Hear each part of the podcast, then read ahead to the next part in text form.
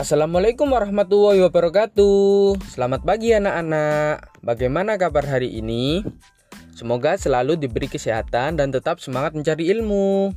Sebelum kita memulai pelajaran, marilah kita bersama-sama berdoa menurut ajaran dan kepercayaan masing-masing. Berdoa mulai. Selesai. Anak-anak, Senang sekali hari ini kita dapat bertemu kembali dalam mata pelajaran fikih. Pada pertemuan kali ini, kita membahas tata cara berwudu. Sebelum pelajaran dimulai, Bapak mau bertanya.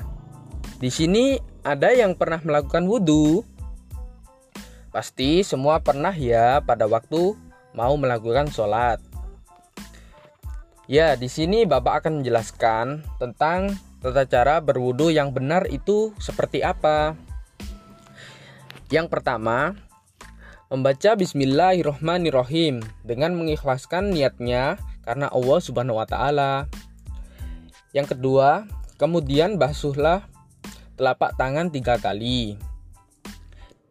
Yang ketiga, berkumurlah dan isaplah air dari telapak tangan sebelah dan berkumurlah dan dilakukan sebanyak tiga kali dan sempurnakanlah dalam berkumur dan mengisap air itu apabila sedang tidak berpuasa. Yang keempat, basuhlah mukamu tiga kali dengan mengusap dua sudut mata dan lebihkanlah membasuhnya dengan digosok dan selai-selailah janggut. Yang kelima, basuhlah kedua tangan beserta kedua siku dengan digosok tiga kali dengan melebihkan membasuh kedua tangan mulai tangan kanan selai-selailah jari tangan.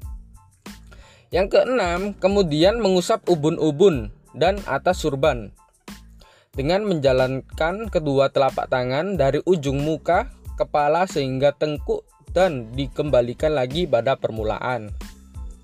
Yang ketujuh, mengusap telinga sebelah luarnya dengan dua ibu jari dan sebelah dalamnya dengan kedua telunjuk. Yang kedelapan, membasuh kedua kaki beserta mata kaki dengan digosok tiga kali dengan dimulai yang kanan. Yang kesembilan, selailah jari kaki dan sempurnakanlah membasuh kedua kaki itu. Dan yang terakhir kemudian membaca doa Asyhadu alla ilaha illallah wahdahu la syarikalah wa asyhadu anna Muhammadan abduhu wa rasuluh.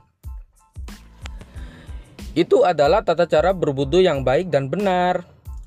Dari yang Bapak jelaskan, apakah ada pertanyaan?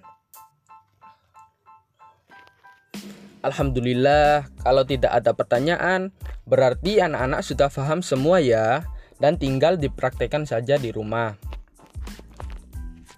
Karena waktu sudah habis, Bapak akan menutup pembelajaran pada hari ini dengan kalimat hamdalah alhamdulillahirabbil alamin. Jika ada salah-salah kata dan kekurangan dalam pembelajaran kali ini, Bapak minta maaf.